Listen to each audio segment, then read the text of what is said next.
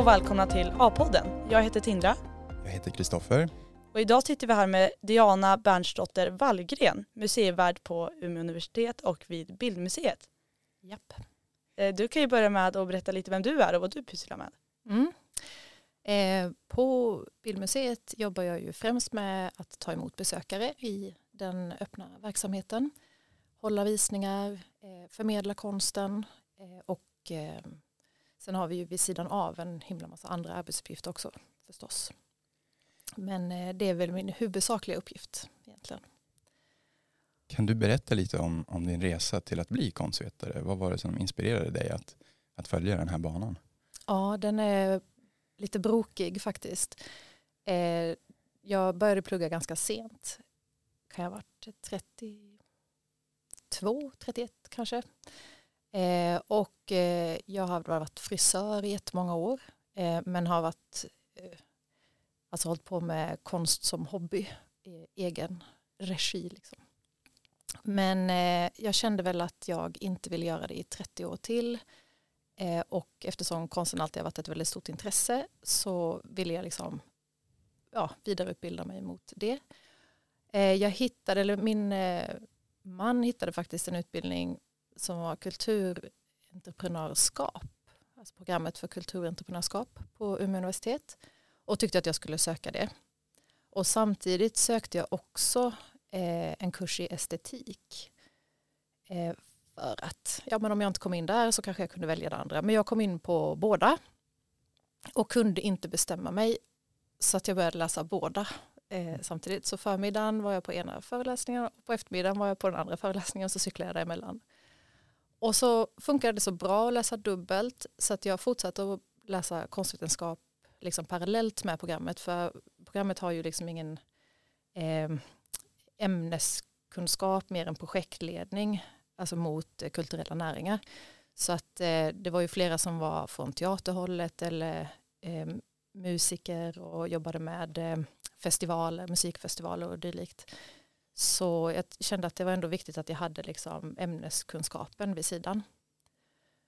Och hur, eh, hur skulle du förklara begreppet konst? För det är ett ganska brett begrepp som kan eh, ibland upplevas lite, lite vagt, kanske lite esoteriskt för folk som kanske inte beskriver sig själva som konstmänniskor. Um, så vad, vad är konst för dig? Alltså konst kan ju beskrivas i det stora som eh, konstformerna litteratur, eh, bildkonst, film, musik till exempel, poesi. Eh, men eh, bildkonsten är väl eh, snarare, det är ju en fråga om vem som bedömer vad som är konst. Sen kan, ju, sen kan det ju vara konst också på om man säger olika nivåer. För jag beskriver mig som hobbykonstnär till exempel. Jag har ju ingen formell utbildning. Det finns ju jättemånga autodidakta konstnärer som är framstående idag. Men som då har jobbat eh, sig upp dit liksom, eh, på ett annat sätt än att bara skapa något och eh, visa det någonstans. Liksom. Så så fort att någonting egentligen hamnar i ett sammanhang med konsten så betraktas det ju som konst. Ehm, det finns ju ändå, just nu när det är också väldigt konceptuellt, mycket av den samtida konsten är väldigt konceptuellt och bygger på idéer, eh, så är ju kanske inte själva bilden av verket det mest framstående, utan det är liksom idén bakom. Så då är ju liksom kanske idén verket snarare än det som presenteras. Mm. Så att det är ju, eh, det finns ju så många lager eh, och så många sätt att se på det. Men så fort att det hamnar i ett sammanhang med konst så får det ju betraktas som konst. Mm. Vi har ju ändå föremål som vi tar in på museet som är liksom, det kan vara loppisobjekt men vi står ändå och behandlar dem med, med eh, bomullshandskar och liksom, det kan vara en konstnärs privata skivsamling som vi är liksom super, super försiktiga med. Därför att i det här sammanhanget så är det ett konstverk. Liksom. Mm. Ja, Jag, har, jag har en lite personlig anekdot när jag själv var och besökte Bildmuseet. Då, eh, jag, jag jobbade mig ner liksom i byggnaden och jag tror det var plan fyra eller fem. Då kom jag in och det är jättefina lokaler och väggarna var täckta med, med massa fina målningar och så här. Men sen så mitt i, eh, mitt på golvet i det där rummet då såg det ut som att det bara var massa skräp. Och jag menar, jag säger inte liksom det eh, bildligt utan bokstavligt talat var det gipsskivor och, och armeringsjärn. Du kanske vet vad det är, det, det hette flip-flop. Mm, jag vet Det är konstverk. Mm. Och jag, jag, liksom, jag kliade mig på huvudet och jag kunde inte riktigt förstå vad det var jag såg. Så jag frågade någon kollega till dig, vad, vad är det jag missar här? Eh, för det känns som att det är någonting viktigt som vill förmedlas. Men just nu är allt jag känner avsky för att det, det ser ut som att det här inte hör hemma här. Eh, det är liksom, ja men det skulle lika gärna ha kunnat tagits från en soptipp. Mm. Och han, han ställde väldigt bra frågor för han utmanade mitt tänkande någonstans. Och eh, det slutade med att jag stod där i en kvart och sen började jag liksom till och med tycka om det. Mm. Jag tänkte att ingenting annat här fick mig att tänka så djupt. Och, och jag kom fram till efteråt att det kanske var just det här, det var kontrasten mellan någonting väldigt fult på en väldigt fin plats. Mm. Men så vad kan man göra, kan man, kan man säga att någonting är bra konst och att något är dålig konst? Eller bara är konst? Eh, det är ju en subjektiv bedömning vad som är bra och vad som är dåligt. Eh, sen kan jag väl tycka att bra alltså personligen kan jag tycka att bra konst har både liksom ett innehåll som då som du berättar nu tar en vidare förbi det visuella, direkt visuella upplevelsen. Eh, och det finns ju så att det går ju inte att säga att det här är inte konst även om den diskussionen pågår liksom hela tiden. Vi har ju ändå haft ganska, ganska kontroversiella verk, offentliga verk till exempel som diskuteras. Och det kanske är bara viktigt att den diskussionen förs om, om, om vad konstbegreppet är. För det är ju ändå eh, något som kanske inte omdefinieras men behöver vara under ständig diskussion Mm. tror jag. Eh, men just det som du beskriver med att inte heller direkt få en eh, eh tycka om någonting, alltså direkt man ser det. Det finns ju jättemycket konst som, eller, som jag tycker om direkt jag ser det, men det kanske inte liksom har det kanske inte har något djupare än så än det jag ser. Och vi är ju matade med bilder hela tiden idag. Alltså bara mediaflödet är ju helt galet med bilder. Vi är så vana att titta på, på bild liksom. Och på rörlig bild. Att vi också kanske på något vis vill fördjupa det med ett innehåll kan jag känna. Mm. Ja, för han, jag, jag sa ju då att ja, men, titta på allt runt omkring. Allt är otroligt genomarbetat. Och hade jag liksom varit en, en målare som har spenderat timmar på att göra den, den här tavlan, då hade jag blivit lite kränkt av att den här skräphögen kan ha samma status eller kan anses vara lika bra som mitt verk. Mm. Och då, sa, han- då ställde han en ganska bra fråga. Ja, men är det en tävling? Ja, Och det är det ju inte nej. egentligen. Men eh, vilken roll skulle du säga att Bildmuseet spelar i att bevara och, och sprida konstnärlig kunskap och kultur här i Umeå och i regionen i stort? Eh, jag eh, tänker att vi ser på oss själva som en viktig del i att eh, sprida information och kunskap. Eh, Många av mina kollegor beskriver att de har en folkbildande roll till exempel. Eh, Men i, i det stora hela handlar det ju kanske snarare om att våga se saker ur andra perspektiv. Att, eh, att också vidga sina egna vyer på något sätt, precis som du beskrev att du gjorde nu, att bara säga, åh, det här gillar inte jag, eller det här, man kan ju förkasta det direkt liksom. Eh, och det kan vi göra med mycket som liksom vi möter dagligdags. Men om vi vet mer om det så blir det också bredare på något vis. Och vi kan få frågor ställda genom konsten som vi inte skulle kunna ställa själva. Liksom, om, vår, eh, om samhället, eh, om aktuella frågor, om eh, våra medmänniskor eller olika situationer som människor befinner sig i. Mm. Så eh, jag tror att, eh, ja, jag tror att, en, att vi har en viktig roll i, i Umeå. Men vi jobbar ju också med internationell samtidskonst så att vi är ju också en aktör på den internationella konstscenen. Där Mm. vi, Du nämnde lite det här med utbildning och du sa att du själv bara var en hobbykonstnär. Hur pass viktigt är det att ha en utbildning inom konst för att kunna uttrycka sig själv? Och eh, kanske som en följdfråga, hur, hur tror du att vi kan göra konst mer tillgänglig och förståelig för allmänheten? Är det genom utbildning eller är det genom något, något annat medel? Eh, första frågan, för, alltså för att svara på din första fråga, mm. nu var det två, ja. två ja. Då tänker jag att eh, man behöver egentligen man behöver egentligen inte ha en formell utbildning men det är ju lite grann som om jag säger att jag är frisör. Mm. Då har jag ju gått liksom tre år och lärt mig de här teknikerna. Eh, jag har lärt mig bemöta människor, jag har lärt mig eh, kemi, jag har lärt mig massvis med olika saker för att bli en bra frisör. Liksom. Sen hade jag kunnat gå den vägen eh, genom att öva, öva, öva, öva själv också och upptäcka längs vägen och den är såklart längre. Då hade jag inte fått de här verktygen direkt. Jag skulle också kunna eh, säga genom att eh, vi säger att jag älskar att koppla sladdar. Liksom. Då kan jag säga att jag är elektriker. Mm. Men jag har liksom ingen formell utbildning på att vara elektriker. Eh, så att eh, då får jag ju inte heller vara med. Det är ju ingen som anlitar mig som hobbyelektriker om de, om de inte är supermodiga och mm.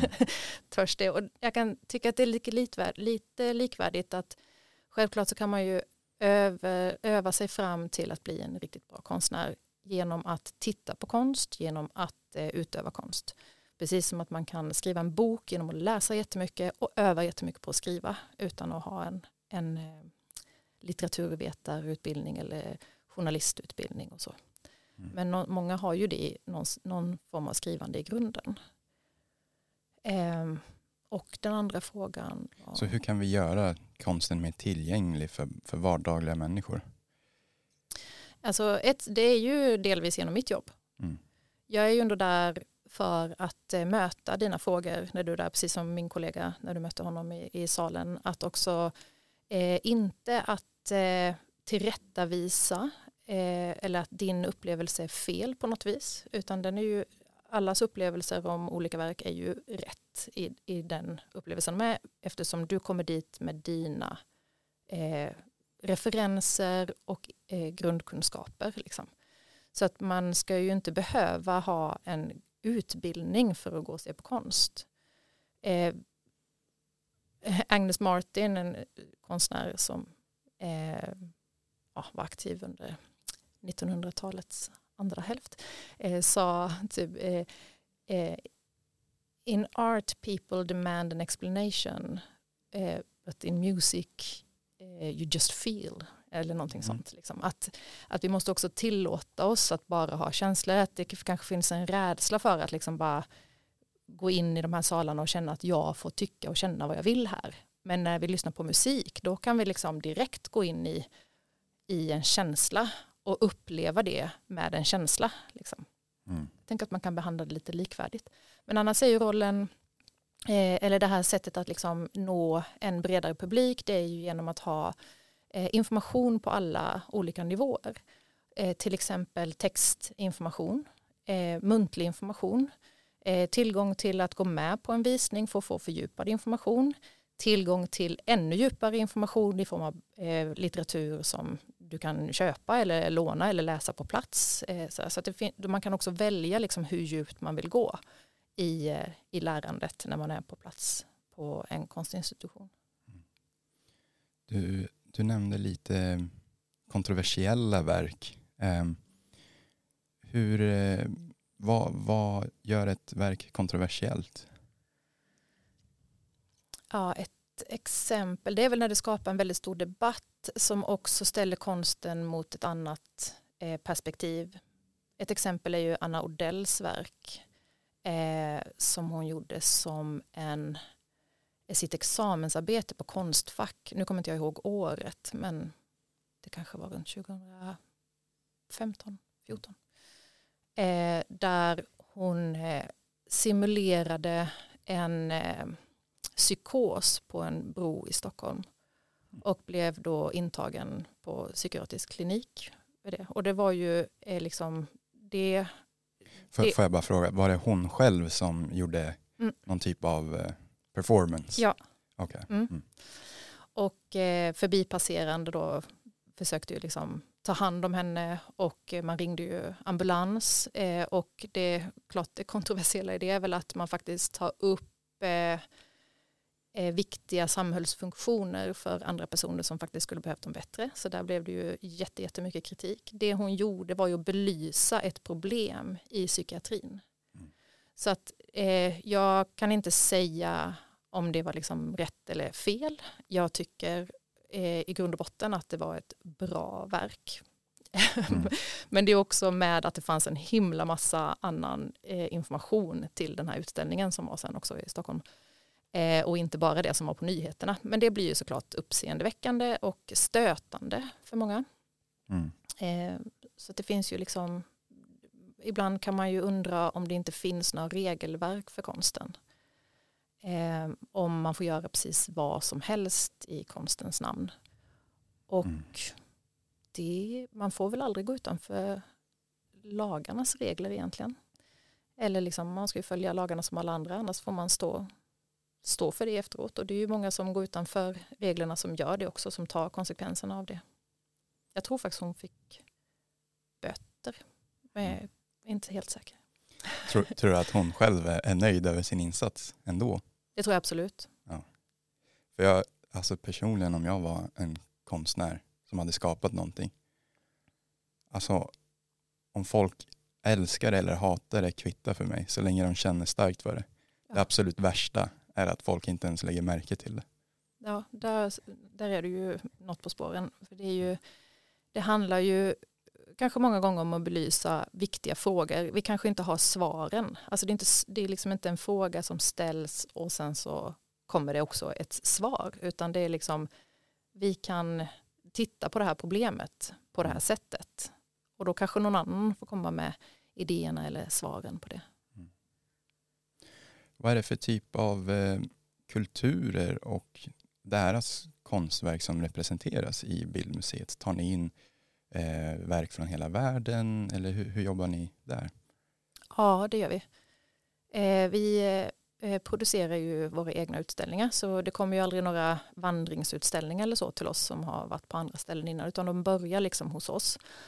Och då är det ju intendenterna som eh, med sitt kontaktnät och med att de reser runt och tittar på eh, konst på andra ställen, som på biennaler eller, eller liknande, eller på andra konstmuseer. Det finns ju också mycket kontakt då, liksom med andra stora institutioner där man också tipsar varandra om har du sett den här konstnären eller det här är spännande. Och sådär.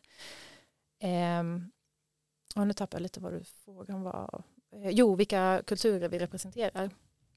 Eh, det är också, det är faktiskt en bra fråga därför att det kan också finnas en inneboende kritik i att man följer ett visst mönster, att det är liksom eh, postkoloniala frågor eller nu är det liksom mycket miljöfrågor och sådär. Det är klart att det följer liksom aktuella frågor, det som känns viktigt för eh, både oss och aktuellt för våra besökare. Alltså så det finns ju liksom någonting som ska vara med i samtiden. Eh, och då kan ju den kritiken komma att ja, men nu, nu visar alla liksom, eh, hbtq-personer, eh, eh, nu visar alla eh, utställningar om eh, klimatet till exempel. Eller sådär. Och det går väl trender i det också gissar jag. Men det är ju också de frågorna som är aktuella helt enkelt i, i samhället i stort. Så, eh, men eh,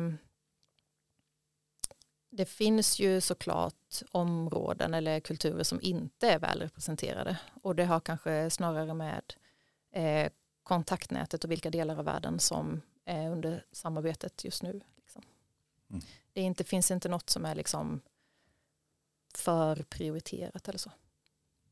Vilka är de största utmaningarna som konstvärlden står inför idag? Just till exempel det här med AI. Är det någonting som du ser som en utmaning eller en möjlighet till och med? Ja, ja det är en bra fråga. AI är ju komplext mm. och jag tycker att det är svårt att veta egentligen. Det är klart att det finns både liksom super otäcka saker med AI och superbra saker med AI. Vi kommer ju längre fram, ska vi se om det blir 2026, ha en jättestor AI-utställning. Och eh, ett av utmaningarna, eller en av utmaningarna med att det ligger så långt fram är ju att eh, det kommer hända jättemycket fram till dess med mm. just AI. Eh, sen är ju inte liksom de AI-genererade verken som skapas av AI egentligen ett utmanande problem som jag ser det idag. Därför att då, det ska ju också finnas ett innehåll, det är inte, det är inte bara en bild. Mm. Alltså det är inte bara att, eh, ja, eller jag vet inte hur jag ska beskriva det, men om man tänker att vara så här, oh, wow, det här är en jättesvår sak att göra på det här viset. Men AI har gjort det. Mm. Men vad är innehållet? Liksom, det kan ju vara intressant med ett verk som är skapat med en person bakom som har då knapprat in en idé om vad AI ska göra. Ja men då har vi ju den här konceptuella idén där liksom är så här, nu ska vi göra det här med AI. Hur har den liksom jobbat med det vidare? Men så att det är ju liksom lika brett tänker jag som vilket, vilken konstnärlig uttrycksform som helst. Mm. Som film, som ljudkonst, som andra digitala verk. Liksom. Nu, nu kommer kanske en lite väl abstrakt fråga, men eh, kan du tänka dig en framtid där en, en AI själv kan uppskatta konst? Eller skulle du säga att det är någonting som är djupt mänskligt och som bara vi kan någonstans förstå och känna? Alltså jag vill ju tro att, eh, att konst är någonting djupt mänskligt. Jag tror att eh, det är det som gör oss till människor. Att vi är liksom kulturutövande på något vis. Och det här med skapande har ju inte bara med att skapa vackra ting att göra. Vi skapar ju liksom vår omgivning hela tiden. Alla vi är ju skapande individer på ett eller annat sätt. Man liksom kanske klipper sin trädgård väldigt fint eller älskar att potta på med huset eller fixa sin bil. Det är liksom också ett skapande i sig. Eh, så att jag tror att just det är mänskligt. Sen om det är så att AI kan känna mänskliga känslor, det kan inte jag, det kan inte jag avgöra. Eller jag vet liksom inte om det kommer hända. Men eh, troligen. Ja. Jag, jag, tror inte det är någon som har ett, ett svar på den frågan heller just nu i alla fall. Men du, du nämnde ett annat begrepp där, att, att man gör någonting vackert. Det är också ganska eh, svårdefinierat. Vad är det som gör att någonting är vackert eller tvärtom fult? Mm. Ja, antingen har vi ju lärt oss vad som är vackert eh, genom att liksom av hela vår uppväxt fått, fått liksom det här är vackra ting och det här, är, det här tycker vi om eller det här visar reklamen för oss att det här är det modet vi ska ha på oss nu eller det här är fint. Liksom. Att vi blir också matade utifrån med vad som är vackert. Sen ju mer man övar på att se eh, på olika vis så kan man ju uppskatta eh, det vackra i något sårigt och fult. Alltså mm. det, det vackert behöver ju inte vara skönt. Det är liksom något annat. Mm. Eh, det finns liksom också något vackert i vemod till exempel. Det finns något vackert i sorg. Så uh, jag, ja, jag tror nog att samma där, att vi liksom kan lära oss att se det vackra. Men det finns ju som sagt någonting som heter de sköna konsterna. Mm. Som är, ska vara liksom eh, idealmänniskor med eh, romantiserat kanske. Och, eh, väldigt vackert för ögat. Och vi behöver inte veta så mycket mer om det än att det är vackra miljöer. Liksom. Mm. Men det är ju också en, en egen upplevelse. Vad är vackert, vad är fult? Liksom. Har du någon egen upplevelse där du känner att du har blivit berörd ända in i benmärgen? Det kan vara en utställning, det kan vara en, ett, ett eh, framträdande, vad som helst. Mm. Har du någonsin haft någon sån där väldigt estetisk upplevelse? Oh ja. Jag, hade, jag har två exempel bara nu i närtid faktiskt. Ja. Eh, det ena är att jag var på Norrlandsoperans eh, en performance på kvällen, dansperformance.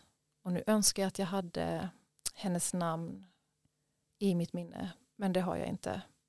Eh, men det var en, eh, en dansare som framförde ljud, ljud och rörelser sittande på en stol som var så otroligt fysiskt och närvarande att jag liksom upplevde mig själv sitta och studsa på stolen typ och le hela, hela tiden. Mm. Det var så intensivt och bra.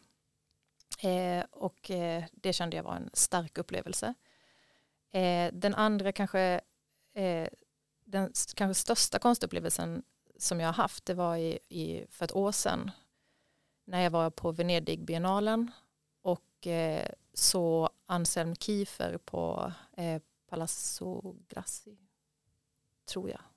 Mm. Jag borde kolla det också egentligen, jag borde veta det. Ja, det... det jättestora palatset.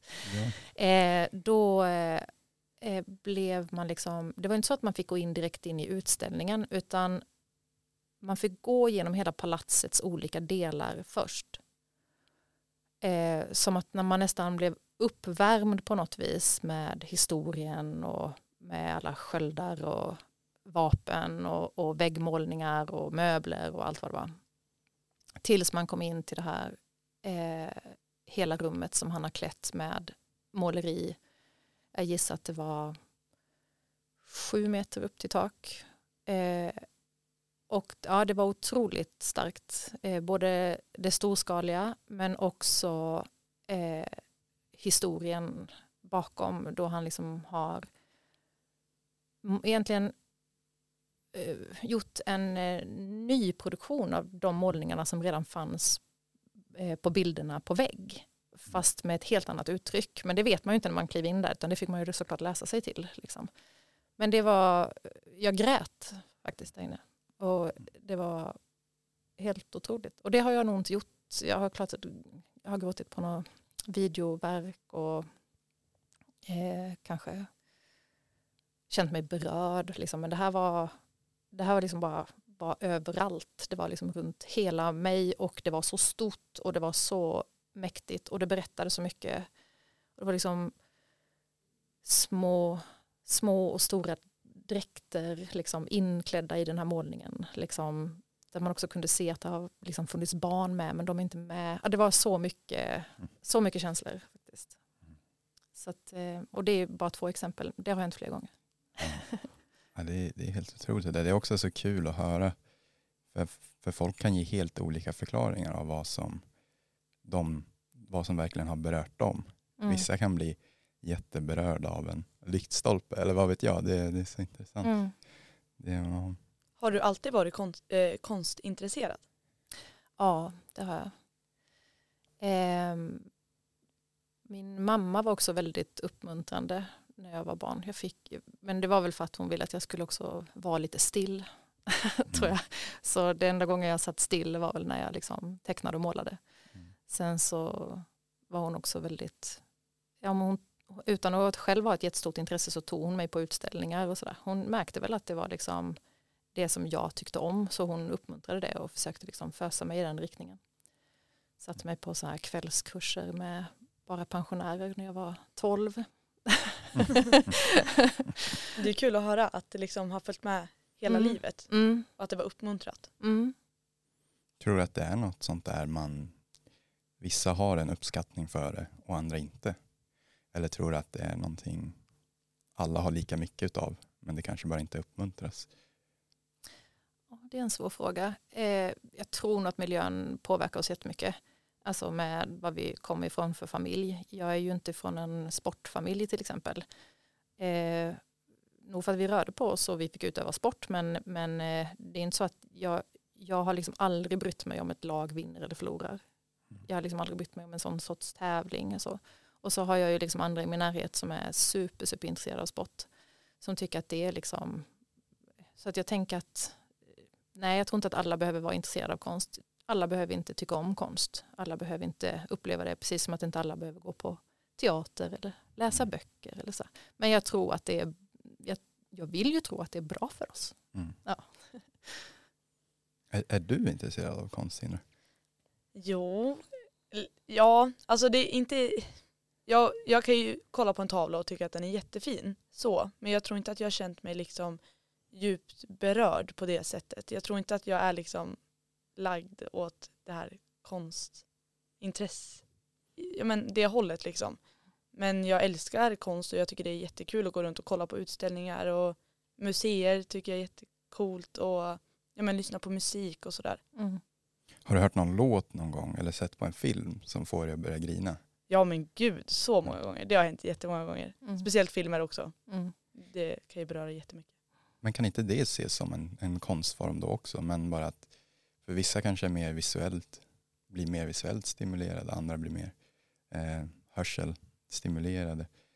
Jo, jo, men det tror jag. Alltså, som jag sa tidigare också så är det ju liksom i det breda begreppet så är ju liksom där ryms ju liksom musiken och Mm. litteraturen och filmen och, och eh, teatern. Så att, jag, jag kan personligen säga, jag har aldrig liksom börjat grina för att någonting är så vackert när det är människoskapat.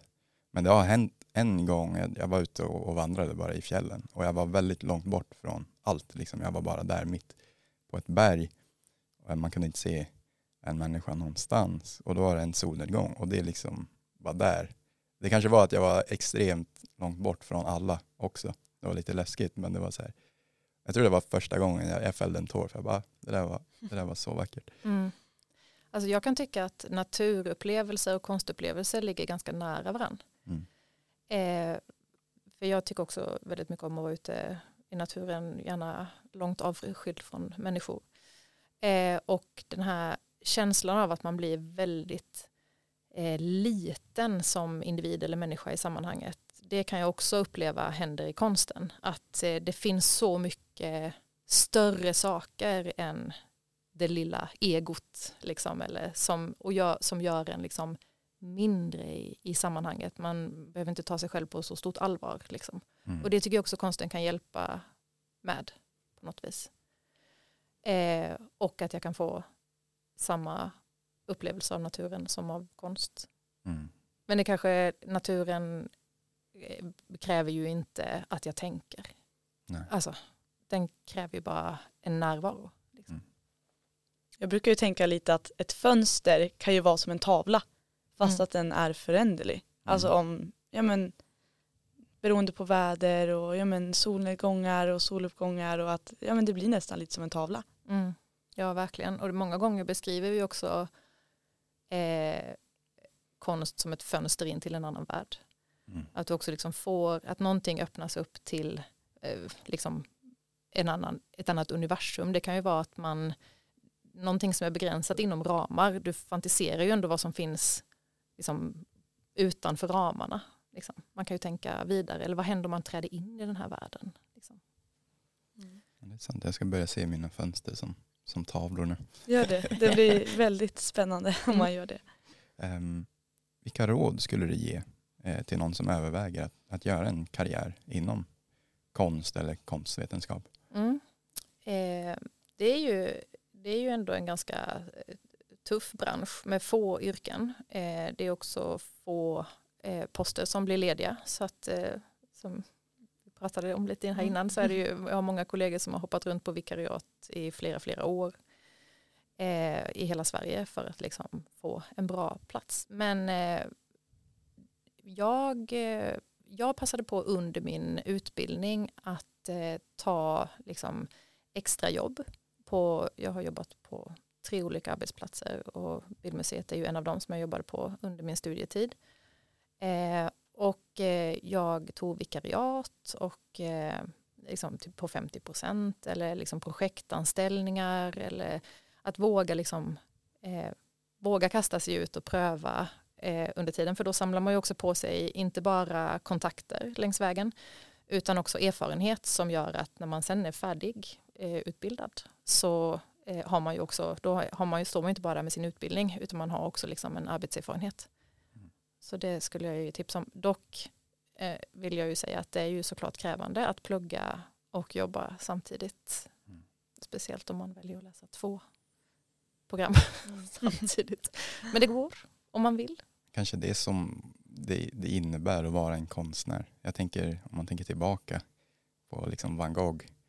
eh, Mycket av hans verk är just för att, eller mycket av värdet skulle jag säga, det som drar mig till hans tavlor, det är ju bara att veta, okej, här var det en människa som var helt miserabel.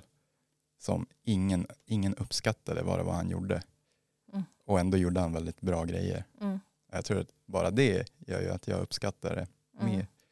Så det kanske ligger någonting i att, Man lever liksom konsten. exakt, Det, det är liksom inte frigjort från en själv. nej precis, det kanske är en, förutsättning till och med att, att ha det tufft om man vill bli Jag tyckte ju inte det var, jag tyckte det var bara kul. Men man får ju faktiskt välja bort eh, tv-tittande Mm. Man får välja bort jättemycket liksom, umgänge.